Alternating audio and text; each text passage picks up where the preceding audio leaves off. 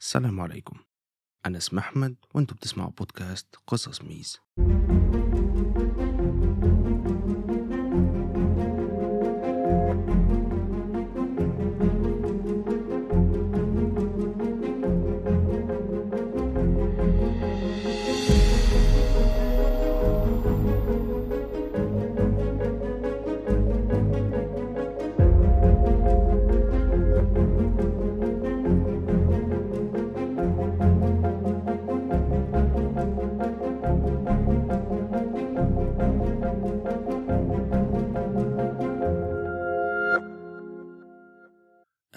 بيكم في الحلقة التالتة من قصص ميز.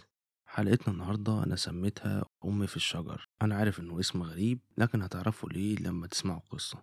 بتبدأ قصتنا سنة 1985 لما مايكل ريمر واللي كان عنده 36 سنة في الوقت ده وشغال في بناء سطح البيوت في مدينة تاكوما في واشنطن. وعلشان شغله كان معظمه في الصيف وده الطبيعي في نوع الشغل ده في المكان ده فلما الشتا كان بيجي مايكل كان بيحاول يزود دخله عن طريق صيد حيوانات برية زي الذئاب وحيوان المينك وغيره وكان بيصطاد عن طريق إن هو بيحط مصايد في الغابة اللي موازية لنهر نسكوالي اللي بيمتد بطول 130 كيلومتر واللي كان قريب من بيته وكان لما بيحط المصايد دي بيحطها جوه الغابة بعيد عن أي طريق الناس بتمشي فيه وده لأن لما الناس بتمشي في طريق الحيوانات بتبعد عن المكان ده فعلشان كده كان بيحط كل مصايده في مناطق معزولة من الغابة بعيد عن الناس. وكان بقاله أكتر من 15 سنة وهو بيصطاد في الغابة دي وده اللي خلاه عارف الغابة كويس وأماكن الدخول والخروج منها وإزاي يتنقل من أي مكان لمكان في عمق الغابة. وكان مايكل من طبيعته إن هو من الأشخاص محبين الخروج والمغامرة.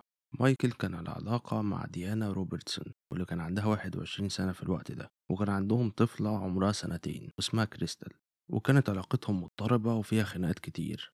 وفي أكتوبر من نفس السنة اللي حصلت فيها القصة دي ديانا رفعت قضية عدم تعرض ضد مايكل بعد ما كسر عليها الباب وزقها ووقعت في الأرض في واحدة من خناقاتهم.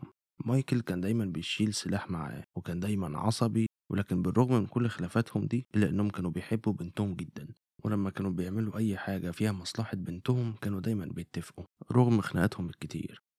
وفي شهر ديسمبر من نفس السنة ديانا ومايكل اتصالحوا وديانا لغت القضية اللي كانت رافعها ضده. وبعد ما كانت هي وكريستال عايشين لوحدهم بعيد عنه إلا إنهم رجعوا يعيشوا كلهم مع بعض تاني. ودي حاجة خلت بنتهم سعيدة جدا. وبعد كام يوم من ساعة ما رجعوا يعيشوا مع بعض قرروا إنهم يعملوا رحلة تخييم كعيلة وفعلا اختاروا المكان اللي هيخيموا فيه. وكان في نفس الغابة اللي مايكل بيصطاد فيها دايما واللي كانت قريبة من بيتهم. كمان ده هيسهل على مايكل إن هو يروح يطمن على المصايد بتاعته بدل ما يروح مرة تانية فالمكان ده كان مناسب جدا ليهم. وفعلا في يوم 12 ديسمبر جهزوا شنطهم وحطوها في عربية مايكل اللي لونها أحمر وبدأوا رحلتهم اللي مدتها 30 دقيقة لمكان المخيم. ولما وصلوا مايكل ركن عربيته على جنب الطريق جنب الغابة. كلهم خرجوا وبدأ مايكل يمشي قدامهم ولأن مفيش طريق ممهد للمكان اللي رايحينه كانوا معتمدين على مايكل لأن هو الوحيد اللي عارف المكان كويس. وفعلا وصلوا هناك. في عصر اليوم ده كريستال اتشافت في موقف عربيات لسوبر ماركت على بعد 32 كيلومتر من المكان اللي مايكل ركن فيه العربية. الناس شافتها ماشية لوحدها وتايهة وما كانتش عارفة تمشي قوي لأن عندها سنتين. ولما الموظفين بتوع السوبر ماركت شافوها افتكروا إن أهلها قريبين وهيجوا ياخدوها. ولكن بعد ما عدى وقت قصير ومحدش جه خدها واحدة من الموظفين خرجت وراحت تكلمها. الموظفة دي قالت إن كريستال كانت عمالة تتلفت حواليها وخايفة ولما سألتها اسمها إيه ما ردتش عليها ولما قالت لها أنت جاية منين ومع مين برضه ما ردتش. وما كانتش بترد على أي حد يكلمها كانت بس عمالة تبص حواليها وتتلفت وخايفة. الموظفة خدتها جوه السوبر ماركت واتصلت بالشرطة. لما الشرطة وصلت حاولوا يتكلموا مع البنت ويسألوها هي اسمها إيه ولكنها برضه ما كانتش بترد عليهم. الشرطة دخلت السوبر ماركت وسألت الناس لو حد يعرف البنت دي لكن كلهم قالوا لأ فما كانش قدامهم حل تاني غير إن هم يحطوها في دار رعاية مؤقتة. وفعلا حطوها هناك وبعد كده حطوا إعلان في الجرايد مع صورتها عشان لو حد شافها يتصل بيهم. وفعلا بعد يومين جدتها اللي هي والدة أمها شافت الإعلان في الجورنال. ولكن الإعلان ما كانش فيه تفاصيل هم لقوها إزاي. هو بس صورتها ورقم. فالجدة طبعا اتفزعت واتصلت بتليفون ديانا ومايكل على طول لكن محدش كان بيرد عليها. فاتصلت بالرقم اللي في الإعلان وقالت إنها جدتها وسألت عن مكان كريستال وإيه اللي حصل لها. الشرطة قالت لها تروح دار الرعاية لكريستال فيو وهم هيقابلوها هناك. وفعلا الجدة خدت أول طيارة وسافرت لدار الرعاية دي ووصلت قبل الشرطة حتى. فلما كريستال شافتها كانت فرحانة جدا وشكلها بدأت تخرج من مرحلة الصدمة اللي كانت فيها من ساعة ما لقوها. وبعد الأحضان الجدة سألتها فين ديانا ومايكل؟ فين بابا وماما؟ كريستال ردت عليها وقالت لها ماما في الشجرة ماما في الشجرة. ولكن الجدة طبعا ما فهمتش الكلام ده معناه إيه. ففضلت تسألها ولكن لأن كريستال صغيرة في السن ومش قادرة تتواصل بالكلام فكان كل اللي بتقوله إن ماما في الشجر وفي الوقت ده الشرطة وصلت فالجدة سألتهم فين أهلها وإيه اللي حصل فين مايكل وديانا؟ الشرطة قالت لها إن هما ما يعرفوش الكلام ده كله هما بس لقوا الطفلة في جراج السوبر ماركت ولوحدها وما كانتش بتتكلم وحتى ما يعرفوش اسمها إيه. وسألوها لو هي تعرف أي حاجة عن مكان أهل البنت. لكن الجدة قالت لهم إنها ما تعرفش حاجة وإن كريستال قالت لها إن ماما في الشجر وقالت لهم إن مايكل بيحب يروح يخيم في الغابة اللي قريبة من بيتهم وإنه دايما بيصطاد هناك. وإن ده ممكن يبقى اللي كريستال بتحاول تقوله إن أمها في الشجر يعني ممكن تكون أمها في الغابة. الجدة إدت عنوان بيت مايكل وديانا للشرطة وفعلا الشرطة بدأت البحث عن مايكل وديانا.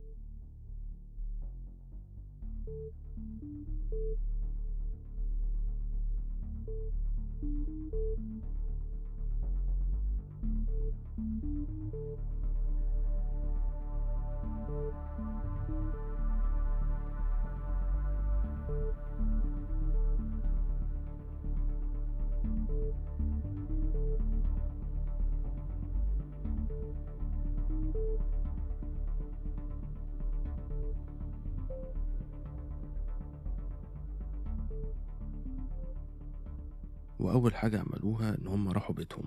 لكن لقوا الأنوار مضلمة والباب مقفول بالمفتاح ومفيش حد والعربية بتاعت مايكل الحمراء مش موجودة.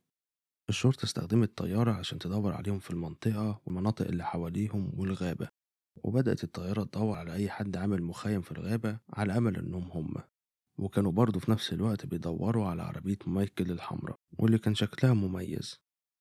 وبعد كذا يوم من البحث والطيران فوق الغابة والمناطق المجاورة وأفراد الشرطة اللي بدأوا بيبحثوا على رجليهم في الغابة برضه ما لقوش أي أثر ليهم ولا أي دليل. فاضطروا إن هم يلغوا البحث وقالوا للجدة وبقية العيلة إنهم لازم يستنوا لحد ما يبان دليل جديد لأنهم مش هينفع يدوروا عليهم للأبد وخصوصا إن الغابة مساحتها واسعة جدا. فكان كل اللي العيلة لازم تعمله إن هم يستنوا أي أخبار جديدة. وبعد شهرين كان في راجل ماشي ومعاه الكلب بتاعه كانوا ماشيين على حدود الغابة على بعد 16 كيلو متر من النهر و48 كيلو متر من المكان اللي لقوا فيه كريستال. الراجل ده لقى عربية مركونة على جنب الطريق ودي حاجة غريبة بالنسبة للطريق ده لأنه غالبا بيبقى فاضي. التلج كان مغطيها وشبه دافنها وده بيدل على إن العربية بقالها فترة كبيرة مركونة في نفس المكان. وهما ماشيين ناحية العربية راجل بص حواليه على أمل إنه يلاقي صاحبها. ولكن لما وقف شوية مستني صاحب العربية يجي محدش جه.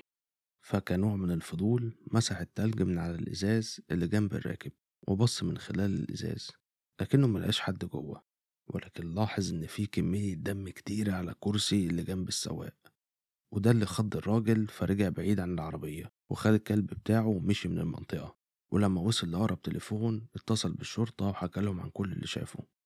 ولما الشرطة جت وخرجت العربية من التلج ولقوها إن عربية حمراء عرفوا إن عربية مايكل على طول اللي كانوا بيدوروا عليها لأن قضية مايكل وديانا في الوقت ده كانت مشهورة جدا وكل الصحف بتكتب عنها. فلما الشرطة عرفت إن دي عربية مايكل المفقودة بدأوا يدوروا حواليها علشان يلاقوا أي دليل على اللي حصل لمايكل وديانا. وفعلا في وقت قصير لقوا جثة ديانا. مكان الجثة ما كانش بعيد عن العربية قوي كانت على أطراف الغابة وكانت مدفونة تحت التلج وكانت مطعونة 17 مرة وكان في شراب ملفوف حوالين رقبتها ومخنوقة بيه. جثة مايكل ما كانتش موجودة. ولما الشرطة فتحت العربية لقوا ورقة محطوطة على التابلو ومكتوب عليها أنا بحبك يا ديانا. ولما الشرطة ورت الورقة لعيلة ديانا كلهم قالوا إن الخط ده شبه خط مايكل. هم عارفينه لأنه كان بيبعت لهم كروت تهنئة بمناسبة الأعياد وكان كاتبها بخط إيديه. أما بالنسبة للدم اللي كان موجود على الكرسي فما كانوش عارفين يحددوا ده دم مين لأن كان بقاله كتير ومتجمد على الكرسي ولكنهم قدروا يحددوا إن دم بني آدم مش حيوان. الشرطة لما جمعت الأدلة دي كلها واللي هي الدم على الكرسي والورقة المكتوبة بخط مايكل وجثة ديانا المقتولة بوحشية وماضي مايكل العنيف مع ديانا واختفائه بأنهم إن مايكل هو القاتل. وده كمان بيحللهم مشكلة كبيرة كانت موجودة حتى من قبل قضية ديانا لأن في 10 أغسطس سنة 1985 واللي كان قبل أربع شهور من اختفاء مايكل وديانا في شخصين تانيين اختفوا ستيفن هاركنز اللي عنده 27 سنة وروث كوبر اللي كان على علاقة معاها وعندها 42 سنة راحوا علشان يخيموا قريب من نفس المنطقة في الغابة وفي خلال رحلتهم شخص غامض دخل عليهم خيمتهم في نص الليل وضربهم بالنار. جثة ستيفن ظهرت بسرعة ولقوه جوه الخيمة ولكن جثة روث ما كانوش لاقيينها لمدة شهور ولكن لما لقوها كانت جثتها على بعد 2 كيلو من مكان المخيم وكان في شراب ملفوف حوالين رقبتها زي ديانا والغريب إن الشراب في الحالتين كان مربوط بنفس العقدة.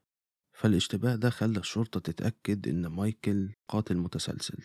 قالوا إن قتل روث لأنها كانت قريبة من المكان اللي بيصطاد فيه وقتل ديانا بعدها بأربع شهور وهرب. وإنه ما قدرش يقتل بنته كريستال فوصلها للسوبر ماركت وسابها هناك. وبالرغم من إن كل حاجة وكل الأدلة بتدل على إن مايكل قتل الناس دي كلها إلا إن كان في أسئلة لسه محدش عارف يجاوب عليها. ال FBI ما كانتش قادرة تثبت إن الكتابة على الورقة هي خط مايكل بنسبة 100% عيلة ديانا كانت مقتنعة إن ده خطه. لكن ال FBI قالت إنه مش ضروري إن هو يكون نفس الخط. وبعدين دافع القتل مش موجود في كل الجرائم. هما متخيلين إنه ممكن يقتل ديانا بسبب الخلافات اللي ما بينهم.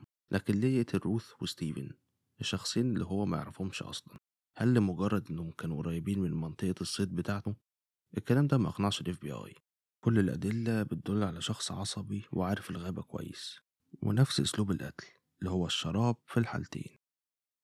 الشرطة كانت عايزة تطلع مذكرة اعتقال ضد مايكل بس كان لازم الأول يتأكدوا من إنه عايش لأنه لو مات يبقى مش هو اللي قاتل بس الشرطة ما كانش عندها أي دليل على إنه لسه عايش. فمع الوقت موضوع إن هو اللي قاتل بدأ ينتهي من الأخبار. ولمدة سنين محدش سمع حاجة عن مايكل أو حتى شافه. وأكنه اختفى من على وجه الأرض وبنته كريستال اتربت عند قرايب ليهم. وكتير من المحققين اللي كانوا شغالين على القضية يا إما طلعوا على المعاش أو نسيوا القضية. وبعد 25 سنة في مارس سنة 2011 واحدة كانت بتتمشى في الغابة على جنب النهر على بعد كيلو ونص من المكان اللي لقوا فيه جثة ديانا لقت جمجمة بشرية مرمية في الأرض اتصلت بالشرطة. ولما الشرطة جت وحوطوا المنطقة لقوا عظمة فك بني آدم. وفي الآخر طلعت عظمة مايكل. ولكن بقيت بقايا مايكل ما قدروش يلاقوها. ولأن البقايا كانت قليلة الشرطة ما كانتش قادرة تحدد سبب الوفاة ولكن كانوا قادرين يحددوا تاريخ الوفاة اللي كان بيرجع لنفس الوقت اللي ديانا اتقتلت فيه. المحققين قالوا إن هما ما قدروش يلاقوا بقية الجثة لأنه غالبا كان مدفون لأن البقايا اللي لقيوها كانت قريبة من المكان اللي لقوا فيه جثة ديانا قبل كده واللي اتفتش أكتر من مرة لما لقوا جثة ديانا لكنهم في الوقت ده ما لقوش أي حاجة فغالبا كان مدفون وده معناه إن مايكل مش ممكن يكون كان هو القاتل لأن لو هو اللي قتل ديانا كان لازم يكون قتلها وراح وصل بنته للسوبر ماركت وجاي قتل نفسه ودفن نفسه. ولما جزء من المحققين اللي كانوا شغالين في القضية من 25 سنة سمعوا إن هم لقوا جثة مايكل قالوا إن هم ما كانوش مقتنعين إن هو اللي قتل روث وستيفن. إلا إذا كان قاتل متسلسل وهنا الشرطة عرفت إن هم كانوا بيتعاملوا فعلا مع قاتل متسلسل. لكن مش مايكل وإن الشاهد الوحيد اللي عارف الموضوع كله هي الطفلة كريستل اللي القاتل ما قدرش يقتلها غالبا صعبت عليه. فنتيجة لده كريستل شافت الحاجات البشعة اللي حصلت لأمها وأبوها وغالبا قعدت مع القاتل فترة لحد ما وصلها للسوبر ماركت وسابها هناك. وبكده يمكن يكون كلام كريستال ليه معنيين. لما قالت ماما في الشجر يا إما كان قصدها إن أمها في الغابة وده صح أو إن أمها حاولت تهرب من القاتل فطلعت على شجرة ولما الشرطة عرفت الحقيقة وإن مايكل مش هو اللي قاتل وإنهم ما قبضوش على القاتل المتسلسل ده لحد دلوقتي رجعوا تاني للقضايا اللي ما من الوقت ده. اكتشفوا إن جنب مايكل وديانا وروث وستيفن كمان كان في تمن أشخاص تانيين اتقتلوا في نفس المنطقة أو حواليها وإن أقرب قضية حصلت سنة 2006 ولكن الحقيقة إن الشرطة معرفتش أي حاجة عن القاتل لحد دلوقتي وكل اللي يعرفوه إن هو لسه في نفس المنطقة.